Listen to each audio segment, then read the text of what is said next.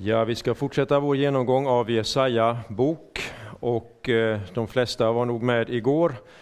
För de av er som inte var med ska jag säga att vi hade en första del som handlade om att läsa Jesaja i sitt sammanhang, både historiskt och i var i Bibeln boken finns. Och jag ska säga lite om det eh, utifrån vad vi ska gå igenom idag också. Sen hade vi en andra timma som handlade om Jesaja budskapet i kapitel 1 som vi kan sammanfatta i dom och frälsning. Och kapitel 1 är som en slags sammanfattning egentligen av, av hela boken. Och idag ska vi fortsätta på bägge dessa teman, men särskilt se vad som sägs om Messias i Jesaja, som också har kallats för den femte evangelisten, eftersom han så tecknar eh, Messias för våra ögon som ingen annan bok i Gamla testamentet gör. Men låt oss först vända oss till Gud i bön. Herre, vi tackar dig för denna dag och för denna möjlighet att få bli stilla inför ditt ord. Vi ber här att du skänker våra hjärtan den stillhet som gör att ditt ord kan komma som i den goda jorden och bära frukt i våra liv. Herre, vi ber om din ande, om ditt ljus och att du sänder din ande till oss, att vi förstår ditt ord rätt. Välsigna, Herre, denna timma för oss alla. I Jesu namn. Amen.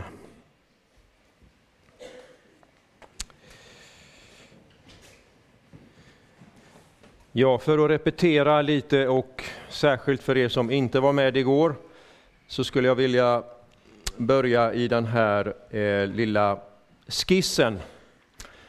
Att läsa Jesaja som vi har då all anledning, inte minst om vi ser på hur Jesus själv talar om Jesaja på flera ställen. Han är den profet som nämns vid namn eh, många gånger och det är tycker jag, väldigt tänkvärt när vi ser hur Jesus citerar Gamla testamentet, profeterna, att Jesus också som pojke, som ungdom, som man lärde sig vad som stod i profeterna och förstod sin gärning utifrån det. Som Gud är han allvetande, men som människa står det att han växte till i ålder och vishet och han har studerat skrifterna, han har levt i skrifterna. Han har som det står i, i, i eh, vi läste i, eh, när han är i öknen, levt av varje ord som utgår av Guds mun. Och till dem tillhör eh, Jesaja. Och när vi läser Jesaja så gjorde jag den här lilla skissen därför att det är inte så enkelt. Det är inte som att bara slå upp och läsa och detta säger Gud och det säger han till oss. Utan han säger det till folket då. Och frågan är hur vi ska förstå det han säger då, vad han säger till oss nu. Så vi måste läsa alltid Bibeln i sitt historiska sammanhang, för Gud har talat in i historiska eh, situationer, och genom det till oss. Och för att ta ett, ett eh, kanske övertydligt exempel, men hur viktigt detta är, det är att Gud talar, om vi istället sätter Mose där, så ger han sin lag till sitt folk genom Mose. Och då är det lätt att tänka, men Gud har ju talat detta till sitt folk. Alltså gäller det också oss idag. Men vi måste läsa, han sa det till sitt folk då, och sen kommer det till oss idag, och det går genom Kristus. Så att när Gud säger ni ska omskära era söner, så gällde det verkligen hans folk då, men det gäller inte oss nu. Eftersom här har vi hela frågan om ett gammalt förbund och ett nytt förbund. Och att läsa Gamla testamentet måste vi alltid göra utifrån den här eh, eh, förståelsen av att detta gällde ett gammalt förbund. Vi lever i ett nytt förbund. Men det betyder ju inte att ingenting av det är viktigt för oss. Det är likväl viktigt för oss att läsa om hur han befallde sitt folk att omskära pojkarna. För det säger oss någonting, men det säger oss någonting nu som delvis är något annat än vad det var då. Jag hoppas det inte blir missförstås, men detta är en väldigt viktig sak, för annars kan vi missbruka Gamla Testamentet. Ta saker som Gud har sagt där in i specifika situationer och göra så att säga saker med dem nu som egentligen inte är eh, bibliska. För Bibeln säger att saker har haft sin tid och nu lever vi i ett nytt förbund. Eh, det här kan jag inte utveckla nu, men om någon vill läsa mer om det så skulle jag bara få hänvisa till en småskrift som jag skrev om det här ämnet som heter Lagisk, laglös, fri? Frågetecken. Lagisk, laglös, fri? Frågetecken. Den tar upp sådana här frågor. Om Gud nu har befallt saker om till exempel eh, sabbatsbudet som eh, vissa grupper och riktningar håller fast vid, till och med att det är på lördagen som vi vet samfund som gör. Varför har inte vi det på lördagen? Varför har vi söndagen? Hela den här tematiken, gammalt förbund, nytt förbund, behandlas där. Vi hinner inte gå in på det nu. Men när vi läser Jesaja här kan vi komma in på liknande frågor. Till exempel ska vi se här strax att i en situation, eh, vi kan slå upp det förresten, ni som har biblar i telefon eller eh, i, i kodexform kan, kan slå upp sidan, ja inte sidan, men Jesaja kapitel 7. Vi var igår en del i kapitel 6, det blev hastigt men i alla fall. Men jag tänkte nu, nu har vi ett historiskt avsnitt här. Jag vill bara exemplifiera en del av det här utifrån avsnittet som handlar om Ahas. Och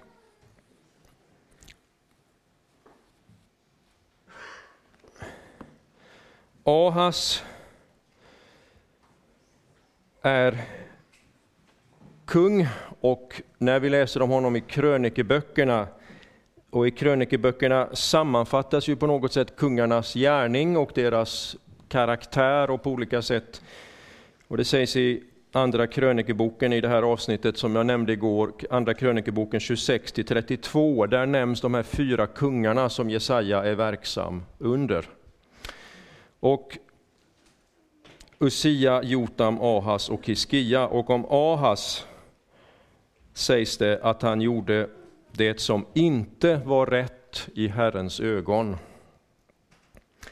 Han avföll på olika sätt och även till Baalsdyrkan och till och med åt barnoffer åt eh, Baals, i, i Baalsdyrkan. Det var eh, alltså en fruktansvärd regering egentligen under kung Ahas. Och då sägs det här i kapitel 7, som är då ett av de här historiska avsnitten nu, 7-8, att Is, äh, Juda är hotat av två riken, nämligen Nordriket och Syrien. De har gått ihop och hotar Sydriket, Juda, där Ahas är kung. Då får kung Ahas av Jesaja, genom Jesaja ska vi säga, från Herren ett ord att han inte ska frukta detta, han ska förtrösta på Herren. Men det gör inte kung Ahas, utan han vill istället ingå en allians med Assyrien som är den stora, vi var inne på det igår, världsriket. Så att mot de här två mindre rikena vill han ingå en allians med det stora Assyrien, istället för att förtrösta på Herren. Det är situationen. Då kan ju någon tänka så här.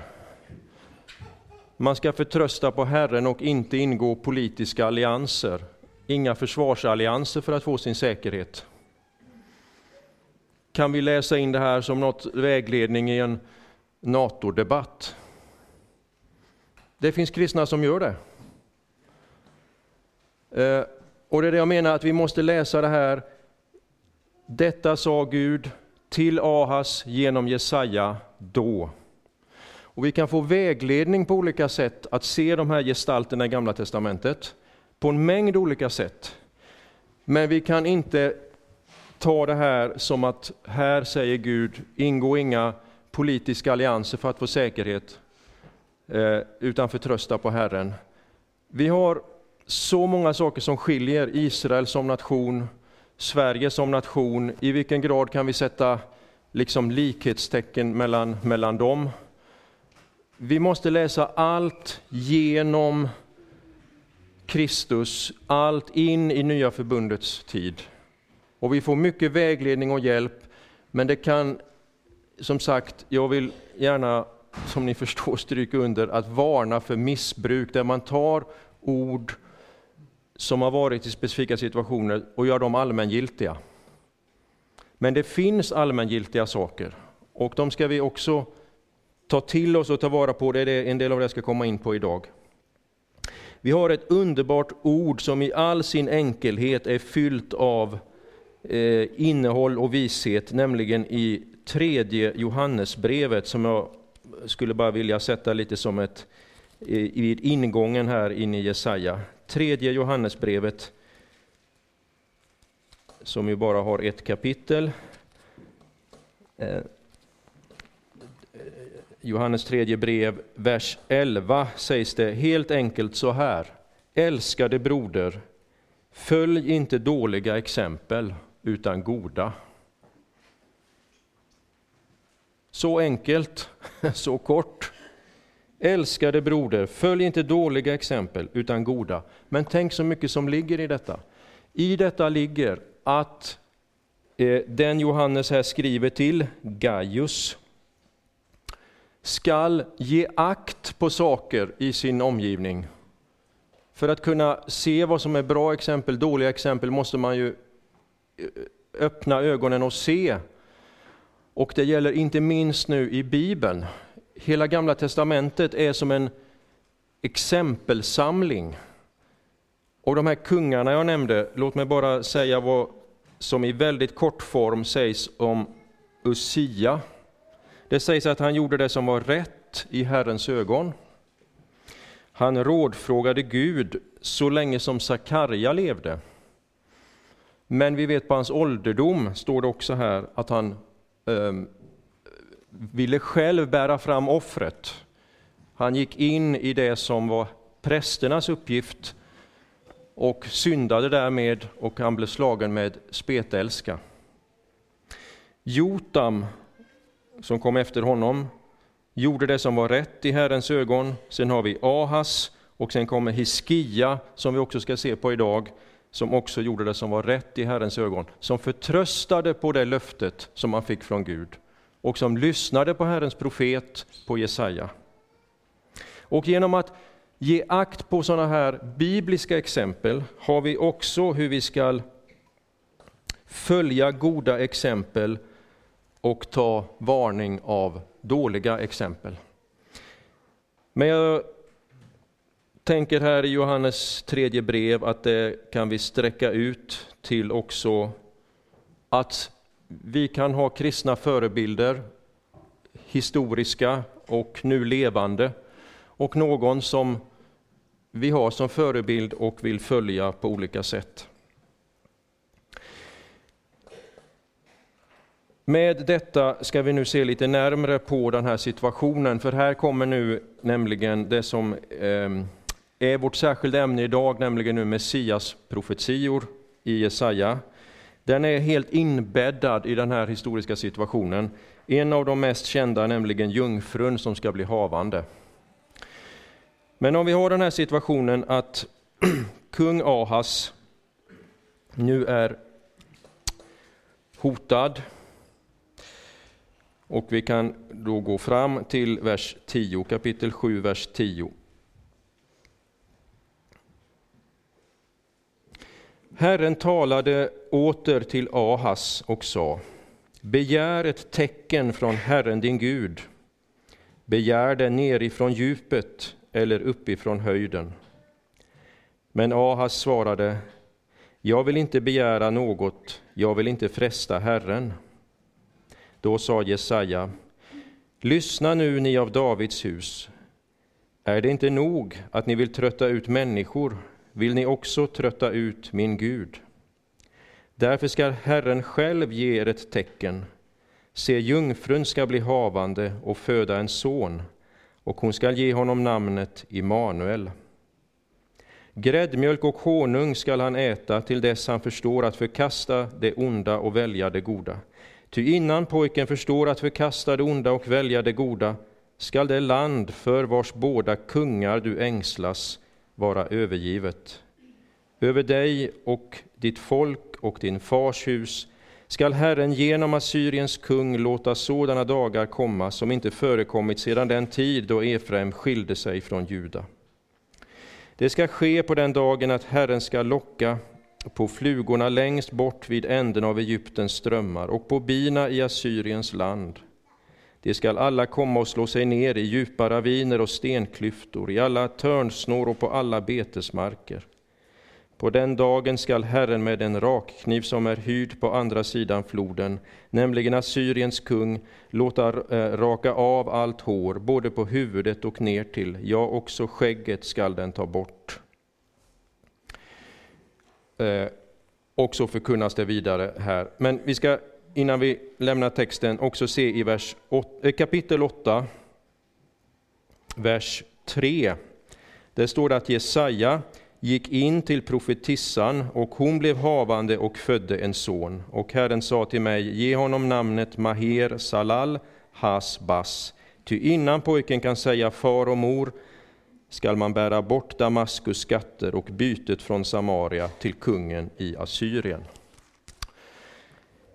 Det här avsnittet är ett av de avsnitt och det tror jag stämmer, jag har sett uppgiften, som det har skrivits mest böcker och artiklar om i hela den eh, teologiska världen. Jesaja kapitel 7 och hur vi ska förstå den här profetian. Det är otroligt omdiskuterat.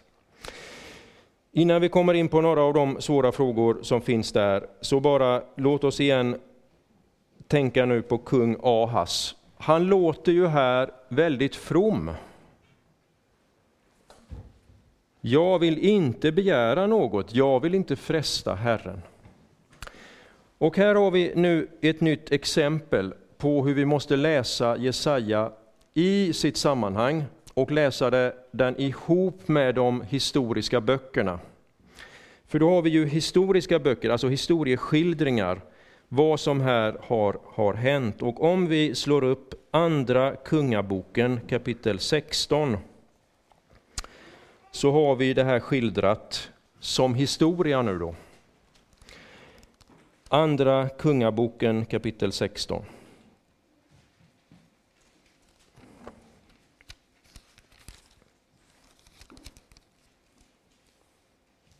Och vi kan se från vers 5.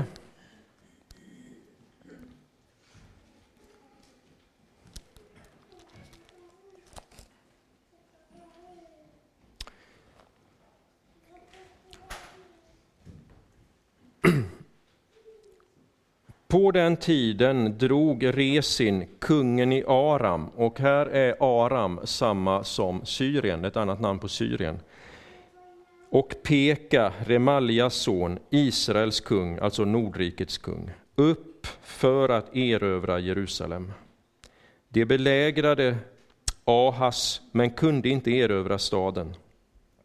Vid samma tid vann Resin, kungen i Aram, tillbaka Elat åt Aram och drev judamän från Elat. Därefter kom edomiterna till Elat och bosatte sig där, och där bor de än idag. Men Ahas skickade sändebud till Tiglat Pileser, kungen i Assyrien, och lät säga, jag är din tjänare och din son. Drag upp hit och rädda mig från Arams kung och från Israels kung, för de har överfallit mig. Ahas tog det silver och guld som fanns i Herrens hus och i kungshusets skattkammare och sände det som gåva till kungen i Assyrien. Och kungen i Assyrien lyssnade till honom och drog upp mot Damaskus och intog det och förde bort folket till Kir och dödade Resin. Han ingår alltså denna allians med det som vi igår sa är det första stora världsriket, Assyrien, mot de här två mindre fienderna. Men som någon har sagt, att detta är ungefär som när musen är hotad av den stora råttan och kallar på katten som till hjälp. Katten kommer och tar råttan, men det stannar inte där, utan det går vidare. Och det är där vi har den här bilden nu i Jesajas eh, bildspråk, om vi går tillbaka dit till 7-8, att när Assyrien har tagit Syrien, Nordriket, så fortsätter det ju och han tar hela Judarike utom Jerusalem. Och vi har den här bilden eh, i Jesaja kapitel 8, vers 6. Detta folk föraktar Siloas vatten som flyter så stilla och jublar över Resin och Remaljas son. Se, därför skall Herren låta den väldiga flodens vattenmassor komma över dem, nämligen Assyriens kung med all hans härlighet. Den ska stiga över alla sina breddar och täcka alla sina stränder. Den ska tränga in i Juda, svämma över och utbreda sig så att den når ända upp till halsen. Med utbredda vingar skall den täcka ditt land i hela dess vidd, Immanuel. Så Assyrien kommer, Ahas som lät from hade i själva verket förlitat sig på denna allians. Och Ahas blir här ett exempel på otro. En kung som handlar i otro. Och som en liksom spegelbild till honom har vi Hiskia. Och innan vi kommer tillbaka till jungfrun här som vi strax ska, ska se på, men Hiskia i det andra, jag sa det var två historiska avsnitt, 7, 8 och sen där 36 och framåt. Och om vi går fram till Jesaja eh, 36 så är man på nytt hotad, men nu är det just Assyrien, inte de här två små kungarna, utan nu är det Assyrien som har intagit hela landet och står även och hotar att inta Jerusalem.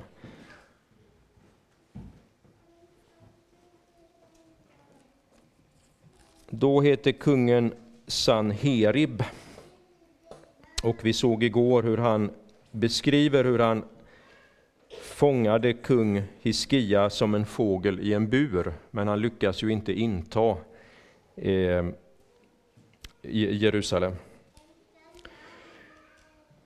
Det som Hiskia gör, som det då sägs, han gjorde det som var rätt i Herrens ögon.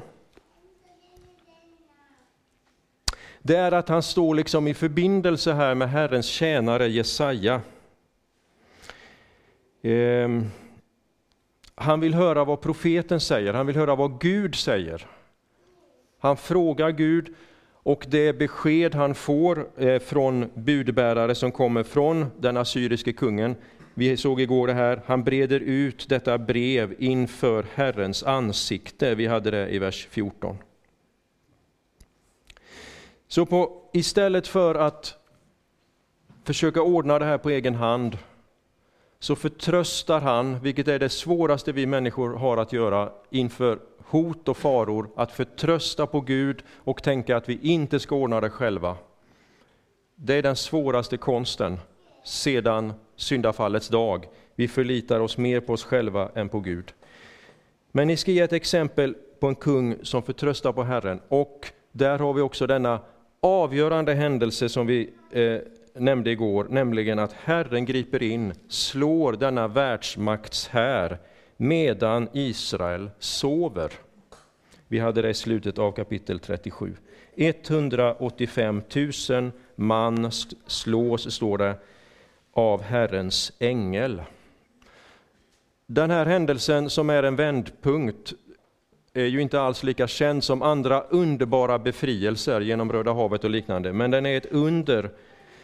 Eh, och den säger oss någonting om detta att förtrösta och hur Gud gör verket och inte människor. Och om vi ställer de här två bredvid varandra som ett dåligt exempel och ett gott exempel, nämligen kung Ahas, kung Hiskia, så är det ett exempel på hur vi kan läsa Jesaja och lära oss otroligt mycket av Jesaja in i Nya Förbundets tid utan att vi gör den här kortslutningen, att exakt samma budskap kommer till oss som kom till en kung eh, då, vad gällde allianser till exempel.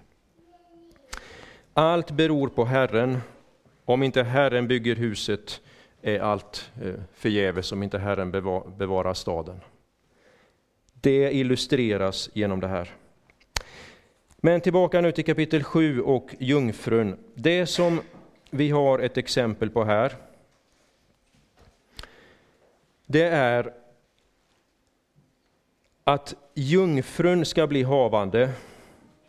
Många av er känner till, och eh, nu har jag inte 2015 eh, folkbibeln, men det står nog eh, förmodligen där i, noten också, att, att det ord som används här i hebreiskan är en eh, ung ogift kvinna. Eh, men det grekiska som sedan kommer i översättningen av Gamla testamentet Septuaginta, det grekiska ordet betyder jungfru. Alltså något ännu mer och ännu tydligare än ung ogift kvinna. Och det är det som citeras i Nya testamentet som är skrivet på grekiska. Jungfrun skall bli havande. Och vi vet att detta handlar om Jesus. Han är den som föds av jungfrun. Men det kommer ju en fråga på det då. Om detta ska vara ett tecken där och då, fanns det som en första uppfyllelse av detta och sedan en andra uppfyllelse? Det är frågan. Och med detta står vi inför ett fenomen i Jesaja som, eh, som vi kan tänka så här, nu ska jag, jag ska inte rita, rita mer här nu, men vi kan tänka oss eh, jag har aldrig kommit med bil och kört mot Klippiga bergen. Men jag hörde en som har gjort det. Och han sa när du kommer och kör med bil och det här reser sig upp och du ser denna fantastiska bergskedja och du ser bergstopparna. Så ser det ut som att de ligger liksom väldigt nära varandra. Men kommer du upp på den första så ser du att där är en lång dal. Och sen kommer nästa. Och så kommer du till den och så är det en lång dal och sen kommer nästa. Men när du ser det från det här hållet så ser det ut som att det är svårt att, att säga hur långt det är mellan topparna. Och när vi läser Jesaja så skildrar han Messias och det rike som ska komma. Och då är det som att en del av det han säger uppfylls när Jesus föds. Men en del uppfylls inte när Jesus föds, till exempel att lamm och, och eh, eh lamm ska, eh, lejon och lamm, barnet ska räcka ut ormen mot, eh, handen mot ormen och så vidare. Det fridsriket, det ligger liksom ännu längre fram, så vi har Jesu första ankomst och andra ankomst. Men när vi läser Jesaja så är det som att de här ibland tycks komma samtidigt. Och om vi tänker att Jesaja, som vi såg igår, han säger att han såg, han får syner, och det som är där framme, han skildrar det. Och när vi läser det så kan vi tänka oss liksom en uppfyllelse, men sen en annan uppfyllelse som ligger längre fram i tiden. Och vi kan tänka oss att en och samma händelse liksom uppfylls i, i steg till exempel om det skildras i Jesaja en underbar befrielse, som det gör på några ställen. Folket liksom blir befriat. Så kan det här syfta på befrielsen från Egypten. Eh, förlåt, ba, eh, Babylon, den babyloniska fångenskapen. Som de ju får gå i efter Jesaja skriver. Och så skildrar han en befrielse som Gud verkar men så är det någonting i den som är ännu mer än vad den är. Och vi förstår att det här måste syfta på den slutgiltiga befrielsen, befrielsen från synd, död, djävul, alltså himmelrikets ankomst. Men den första uppfyllelsen, nämligen befrielsen ur Babylon, är också en uppfyllelse av ordet.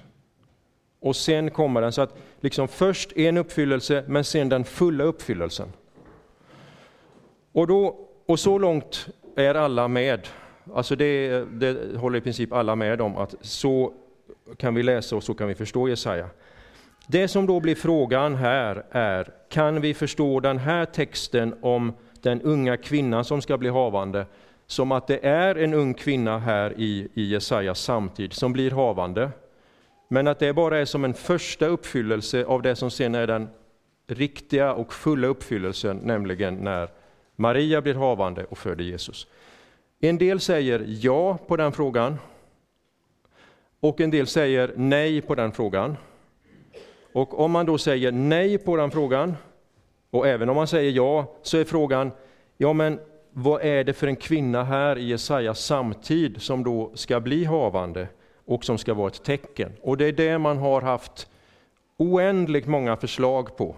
Och ett förslag bland de som nu har en, en ortodox bibelsyn, så det här är den här gränsen går inte mellan egentligen vilken bibelsyn man har, utan det här är mer hur man ska förstå texten i det här fallet. En del menar att det som här sägs skulle åsyfta den Jesajas son som vi hade i, det var därför jag ville läsa in i kapitel 8, att hans hustru ska bli havande och att, att det skulle vara ett sätt att säga eh, men det finns väldigt mycket som talar mot detta. Jag tycker personligen inte att det är särskilt övertygande. Eh, för min personliga del tror jag att detta syftar mer exklusivt på Jesu födelse. Och på frågan hur det ska förstås här i sin, i, i sin historiska kontext har jag inget bra svar. Ehm, det finns många olika alternativ, men vi hinner inte gå in på dem. Men eh, det som alla är överens om här, oavsett vilken av de här två man, man väljer, och jag, jag menar man kan välja båda utifrån samma bibelsyn. Eh, oavsett vilken så är man här överens om att det fokuseras här nu på någonting, nämligen att Gud ska gripa in och frälsa han ska göra det genom att kvinnan blir havande, sonen skall komma. Och med de här, Gud griper in, Herrens frälsning kommer utifrån genom en kvinna som blir havande, en jungfru som blir havande, och sonen som här, eh, barnet. Det väcker mängder av bibliska associationer som vi kan eh, tänka på i det här sammanhanget. Låt mig nämna några.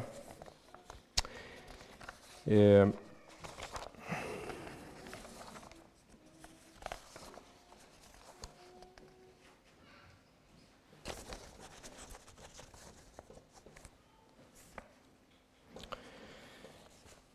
Eh, första eh, Mosebok kapitel 3.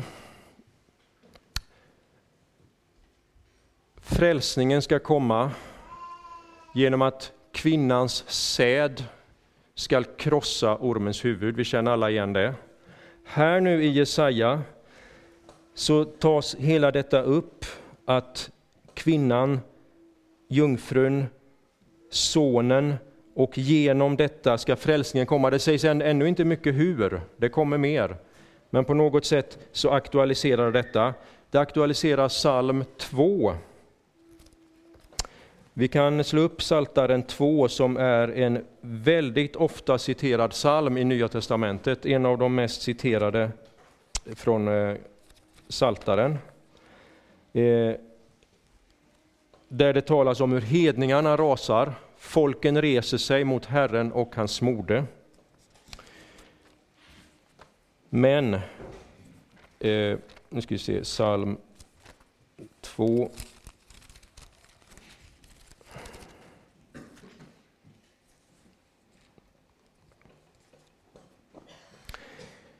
Han som bor i himlen ler, Herren gör narr av dem. Men vi har här nu ett tema som vi ska lägga märke till, nämligen att folken, furstarna, eh, jordens kungar, hedna folken, alltså allt det vi nu kan tänka här, Assyrien, världsmakterna, Babylon, reser sig mot Herren. De, de gör uppror mot Gud. Och mot detta säger Gud i vers 6, det är jag som har insatt min konung på Sion, mitt heliga berg.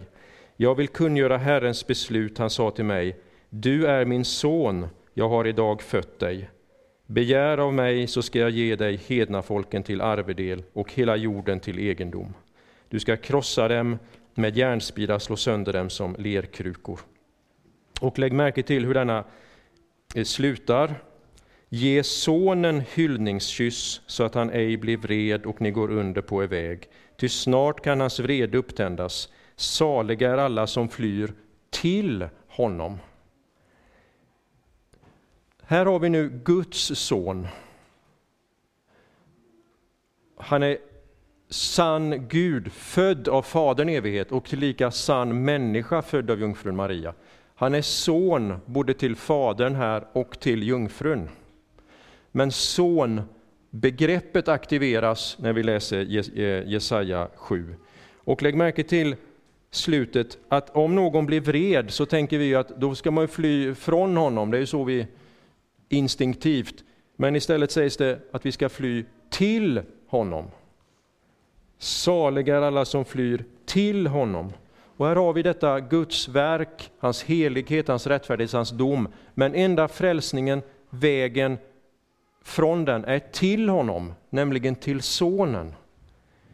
Så hela korsets både vrede som det speglar, Guds vrede över synd, och hans barmhärtighet och kärlek till syndare, och flykten, inte från men till Sonen. Och bara ett ställe till som Jesaja 7 väcker eh, när vi associerar vidare, så är det i Uppenbarelseboken, där det också talas om kvinnan, eh, folken, och vi, vi, kan slå upp kapitel, eh, Uppenbarelseboken kapitel 12, som har rubriket Kvinnan och draken.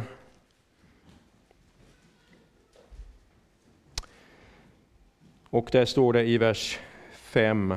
Eh, hon födde ett barn, en son, som ska styra alla folk med järnspira, och hennes barn blev uppryckt till Gud och hans tron. Och sen står det, eh, eh, fortsätter detta som vi nu inte ska, ska fördjupa här, men låt oss bara se fortsättningen i kapitel 13, där det talas om ett vilddjur som stiger upp ur havet.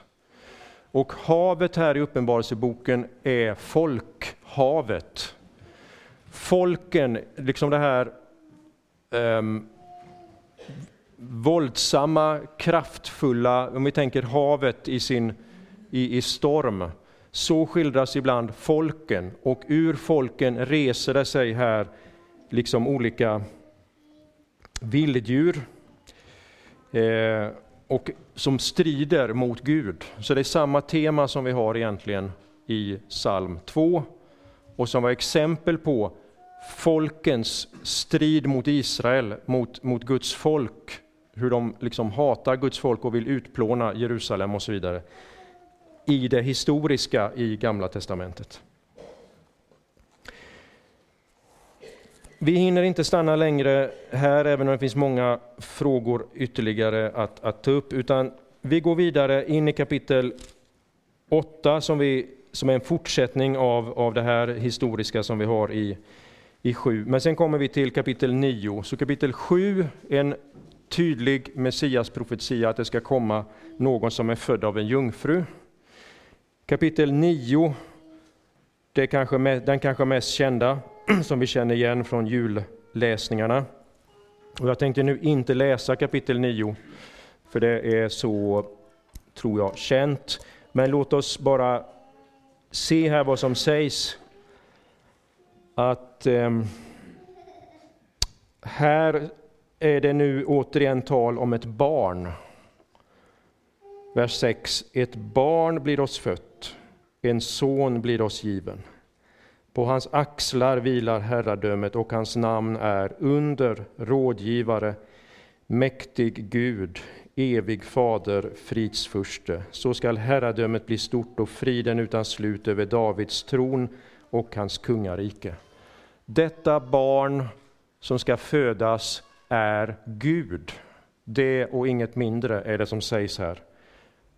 Det är inte bara ett barn som andra kungabarn eller en, ett profetbarn eller liknande, utan detta barn som blir oss givet är Gud. Gud och människa. Nu börjar liksom konturerna ta fram om vem det är, eh, växa fram om vem som ska komma. Och så är det vartannat kapitel, så vi går till kapitel 11. Som griper tillbaka till det här Jesaja-temat att inte ens resten ska bli kvar, till och med stubben, men från stubben skall det växa upp en, en spira, en, en telning, ett skott. Och då skildras här nu den kommande Messias på ett underbart sätt. Jag läser några verser, eh, 11 vers 1. Men ett skott ska skjuta upp från Isais avhuggna stam, en telning från hans rötter skall bära frukt. Över honom skall Herrens ande vila, anden med vishet och förstånd, anden med råd och styrka, anden med kunskap och fruktan för Herren. Han skall ha sin glädje i Herrens fruktan. Han skall inte döma efter vad ögonen ser eller utöva lag efter vad öronen hör, utan med rättfärdighet skall han döma de fattiga. Med rättfärdiga skall han skipa, eh, skaffa rätt åt de ödmjuka på jorden. Lägg märke till den här formuleringen. Han skall ha sin glädje i Herrens fruktan. Det är en speciell formulering värd att ta, ta vara på. Guds fruktan är något positivt. Det är att låta Gud vara Gud. Att fruktar jag Gud, fruktar jag ingenting annat. Och att ha sin glädje i Herrens fruktan, det är vad som sägs känneteckna denne kommande Messias. Låt oss också se i vers 10. Det skall ske på den dagen att hedna folken skall söka Isais rot, där han står som ett baner för folken och hans boning skall vara härlig. Och vers 11 talas om att Herren ska friköpa också nu folk som finns i Assyrien, Egypten och så räknas det upp en massa hedna länder.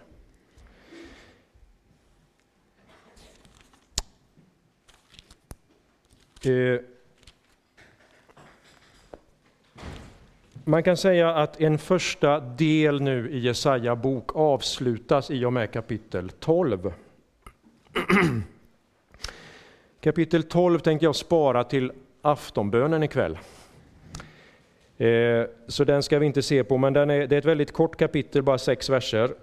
Men där är en eh, underbar lovsång. Men det är liksom en tydlig gräns där i Jesaja bok. Sen börjar ett avsnitt som är, till, tror jag vågar säga, tillhör de minst lästa. Men det är egentligen ett väldigt spännande och viktigt avsnitt. Profetia, profetior mot folken. Oracles against the nations kallas det här i, i, på, det, i, eh, på engelska.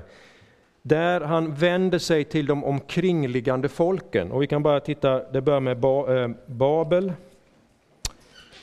en ganska lång. Assyrien, Filisten, Moab, Damaskus, Israel, alltså Nordriket, Nubien, Egypten, Babel igen, eh, Arabien och sen kommer det till Jerusalem.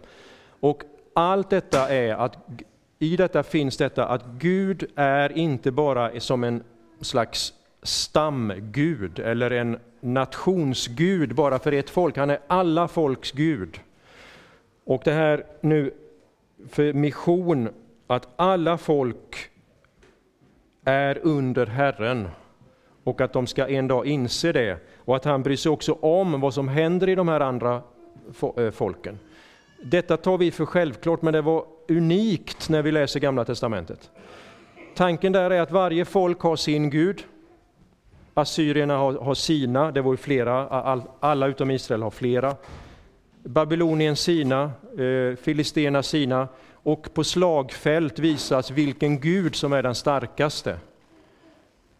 Men det är ju bara, gudarna bryr sig bara om det folket. Och folket bryr sig bara om de gudarna. Men här sägs nu att denne Gud, Israels Gud, han är inte bara ett, ett folks Gud. Han är allas Gud. Och han är en. Och det här läser vi som eh, självklart, men, men detta var något unikt för Israel, för Gamla Testamentet. Så de här profetiorna mot folken är väldigt viktiga. Och det är som de, man kan sammanfatta budskapet. Gud säger till folken att som det är nu är oacceptabelt. Ni lever i synd, det är oacceptabelt, det kan inte fortsätta. Domen kommer komma också över folken. Och detta är som en stor plog eller harv som liksom går över folken och river upp och skapar liksom nytt. Och det här ska på olika sätt bereda vägen för eh, Messias och sedan också att folken ska komma till Messias. Men om vi har det här perspektivet i Jesaja, hur Messias kommer till folken, hela missions... De ska söka honom, de ska strömma till Jerusalem, alla de här bilderna så är det desto mer egentligen chockerande när vi förstår att Messias blir förkastad av sitt eget folk. Han tas emot av hedna folken men förkastas av sitt eget folk. Och när vi läser de fyra evangelierna, liksom direkt på Gamla Testamentet, att nu kommer ju han som är Messias, han som allting har liksom pekat fram mot, och hans eget folk tar inte emot honom.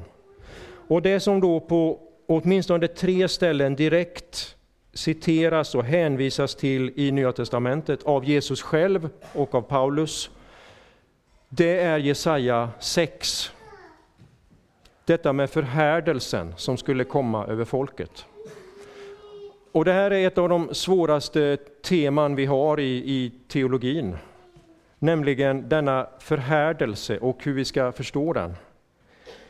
Men på något sätt är det så i Jesaja 6, där vi läste, han får ju budskapet att gå och förkunna, inte för att de nu ska vända om, utan för att de skall bli förhärdade.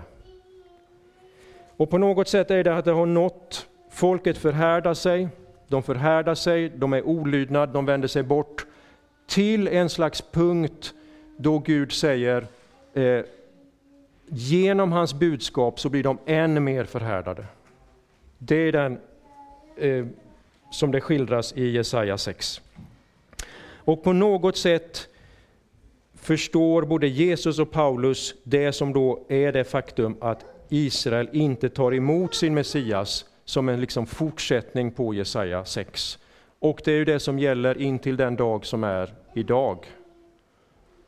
Att judarna, eh, Guds uh, utvalda folk, säger nej till sin Messias och därmed står utanför. Så de här texterna i Jesaja, om vi läser dem så här, vad av detta går in i, in i Nya Testamentet, Nya Förbundet och in i vår tid, så är hela detta på ett sätt mysterium med att Israel inte tog emot och inte tar emot Messias, ett av, ett av de eh, eh temana. Jag tänkte nu, förutom de här 7, 9, 11, det är ju ganska lätt att komma ihåg Eh, när det gäller sonen och födseln. Sen kan vi sammanfatta vad Jesaja säger om den kommande Messias genom att eh, ge akt på de fyra så kallade tjänarsångerna. Jag tänkte eh, bara nämna dem och särskilt nämna förstås den tjänarsången som är i Jesaja 53. Men de fyra tjänarsångerna finner vi i den första i kapitel 42, den andra i kapitel 49, den tredje i kapitel 50 och den fjärde i 53, eller slutet av 52, 53. Alltså 42, 49, 50 och 53. Och det som här sägs är att det nu ska komma en tjänare, en Herrens tjänare. Och på olika sätt anknyter Nya testamentet till de här sångerna när de beskriver eh, Jesu gärning. Den mest kända är den i, och den viktigaste och den mest citerade i Nya testamentet. Man förstod liksom det som hände med Jesus utifrån Jesaja 53. Men jag vill stryka under det här att vi kan se denne tjänare som Israel reducerad till en. Alla har svikit utom en. Han uppfyller det som egentligen hela folket var kallat till. Eh, att älska Gud, att älska sin nästa, att hålla lagen, att leva i gemenskap med Gud. Ingen annan, en enda. Han är Israel reducerad till en. Och på detta sättet kan vi se linjer från Gamla testamentet. Vi kan säga utifrån hela Bibeln, Nya testamentet, att han är den nye Adam. Den första Adam svek. Paulus kallar Jesus för den nye, eller den andre Adam. Han är den sanne eh, eh, alltså Israel, jag, eh, Abrahams ättlingen. Den sanne kvinnans säd som går vidare genom Abraham och som särskilt stryks under Davids ättlingen. Så Adam, Abraham, David, hela den linjen som finns där blir uppfylld genom Herrens tjänare. Och Herrens tjänare uppfyller. Om honom sägs det ingenting att han sviker eller någonting som folket gör. Tvärtom, han är den som står fast, som uppfyller allt Gud har befallt. Och Samtidigt som vi i första hand nu såklart läser detta om Jesus, så är det samtidigt också ett exempel att följa, att tänka på hur denne tjänare var, så som Jesus var, och att ha det som ett eh, exempel.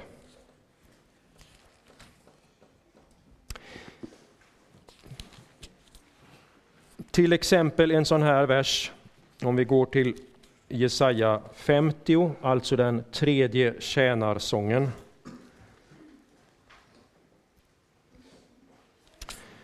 Så sägs det där i vers 4. Herren, Herren har givit mig en tunga med lärdom så att jag förstår att med mina ord hjälpa den trötte. Han väcker var morgon mitt öra, han väcker det till att höra på lärjungasätt. Herren, Herren har öppnat mitt öra och jag har inte varit upprorisk, jag har inte vikit tillbaka. Det är ett underbart uttryck som vi eh, ibland blir påminda om. Gud väcker var morgon mitt öra till att höra, inte bara utan på ett särskilt sätt, nämligen som en lärjunge. Och jag vill läsa Bibeln som en lärjunge, inte som en liksom kritiker, eller, utan jag vill lyssna på lärjungas sätt. Och att tänka att detta gällde Jesus. Varje dag lyssnade han till Fadern. Ehm, han var inte upprorisk, han vek inte tillbaka. Och vi får be att detta liksom ska gälla oss. Och när vi är upproriska, när vi viker tillbaka, när vi lyssnar på allt annat istället, så är det synd som vi får bekänna. Så här har vi liksom, följ, inte, följ goda exempel, inte dåliga. Och tjänarsångerna som tecknar Jesus för oss är samtidigt före, förebilder. Sen har vi det som är unikt för Jesus. Och då är vi framme i Jesaja 53, och jag ser att nu har tiden gått, men några minuter bara om Jesaja 53.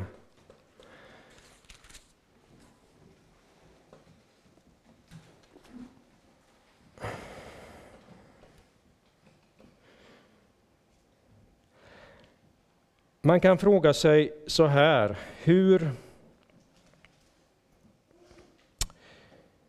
hur läser judarna Jesaja 53? Hur läser judarna tjänarsångerna? Jo, det vanliga sättet som de läser dem, det är att det handlar om liksom folket som kollektiv, som tecknas som en person. Så det judiska folket liksom som ett kollektiv tecknas som, som denne tjänare. Så tjänaren bland folken är. Men när man läser Jesaja 53 blir det väldigt tydligt att detta är en individ. Det är en individ. Han tecknas ju här för våra ögon och jag tror de flesta av er kan mycket av detta utan till. Han var föraktad, övergiven av människorna, en smärtornas man, förtrogen med lidande. Lik en som man skyler ansiktet för, så föraktad att vi räknade honom för intet. Lägg märke till att vi här, det är ju liksom det judiska folket. Så att det är ju han mot folket. Och sen kommer det fantastiska avsnittet 4-6 som på många sätt eh, är själva centrum. Man har på olika sätt velat visa att det här är centrum i texten, alltså rent strukturellt. Att man kan visa att, att centrum i Jesaja andra del hamnar här. Och det, det är mycket möjligt att det stämmer, jag har inte satt mig in i, i det. Men oavsett om det stämmer, liksom strukturen i texten, så är det rent innehållsligt teologiskt här själva tyngdpunkten ligger. Och det som är kärnan i hela det här avsnittet 4-6 är ställföreträdandet. I vårt ställe. Och på en mängd sätt, man kan räkna på lite olika sätt, men sex, sju olika sätt upprepas detta. Ställföreträdandet, i vårt ställe gjorde han det. Och om 4 6 är centrum så är ju själva eh, vers 5 centrum av centrum och jag tänkte bara läsa den. Han var genomborrad för våra överträdelsers skull, slagen för våra missgärningars skull. Straffet var lagt på honom för att vi skulle få frid och genom hans sår är vi helade. Hela tiden ett, ett vi, mm, alla människor, inklusive det judiska folket, ett vi och han. Och han, inte bara för vår skull, utan ännu mer i vårt ställe uppfyllde han detta. Så den Messias som ska komma tecknas här 7, 9, 11 kring födelsen, sann Gud, sann människa, tjänarsångerna, hur han uppfyllde hela Guds vilja, och 53, hur han är, inte bara den här härskaren, sonen, järnspiran, folkens kung, utan tjänaren som ska lida och dö. Allt detta pekar liksom nu Jesaja och Gamla Testamentet framåt. Och Nya Testamentet säger, nu har han kommit. Och att då läsa eh, Jesaja, om vi avslutar med det, och tar ett steg tillbaks igen och tänker mer principiellt på det, att nu läsa Jesaja så att säga, genom Kristus, så är det vissa saker som vi ska ta med. Så vi inte, inte bara läser det som man gjorde det på Jesajas tid, utan vi läser det nu i uppfyllelsens tid. Och till exempel allt som sägs, inte bara Jesaja utan hela gamla testamentet, allt som sägs om templet. Så vet vi ju att Jesus säger att riv ner detta tempel och jag ska bygga upp det igen och att hans kropp är templet. Kristus är det nya templet.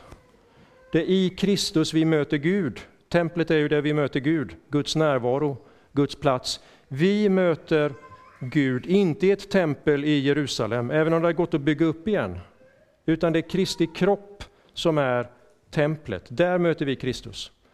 Och Kristi kropp är församlingen. Det är hans församling och där hans ord och sakrament finns. Och när vi läser Jesaja och läser allt som står om templet, om Sion och så vidare, så kan vi tänka detta, allt detta har vi i Kristus. Och det är att läsa det på ett annat sätt än att bara läsa det historiskt. Men det kommer också frågor från detta, utifrån detta. Och de frågorna får vi leva med och vi kan komma till lite olika eh, svar på dem. Eh, till exempel, vilken roll spelar Jerusalem i Guds plan nu? Det som sägs här på olika sätt om Jerusalems uppbyggande och liknande, syftar det bara på Kristus och kyrkan? Eller i vilken mån syftar det också på det jordiska Jerusalem? Där kan kristna ha olika mening, Eh, och vi ska inte gå in på det nu, men jag menar den primära förståelsen och sättet att läsa är att detta är det som sägs om templet, där i Kristus. Och att läsa Jesaja på det sättet gör den oändligt aktuell för oss här idag. Och sen kan vi genom bön och genom samtal, genom vishet försöka förstå hur vi ska handla, både som enskilda och som församling och som folk, utifrån det som vi kan lära Gamla testamentet läst genom Kristus. Så, där har vi dragit över, men eh, tack för uppmärksamheten.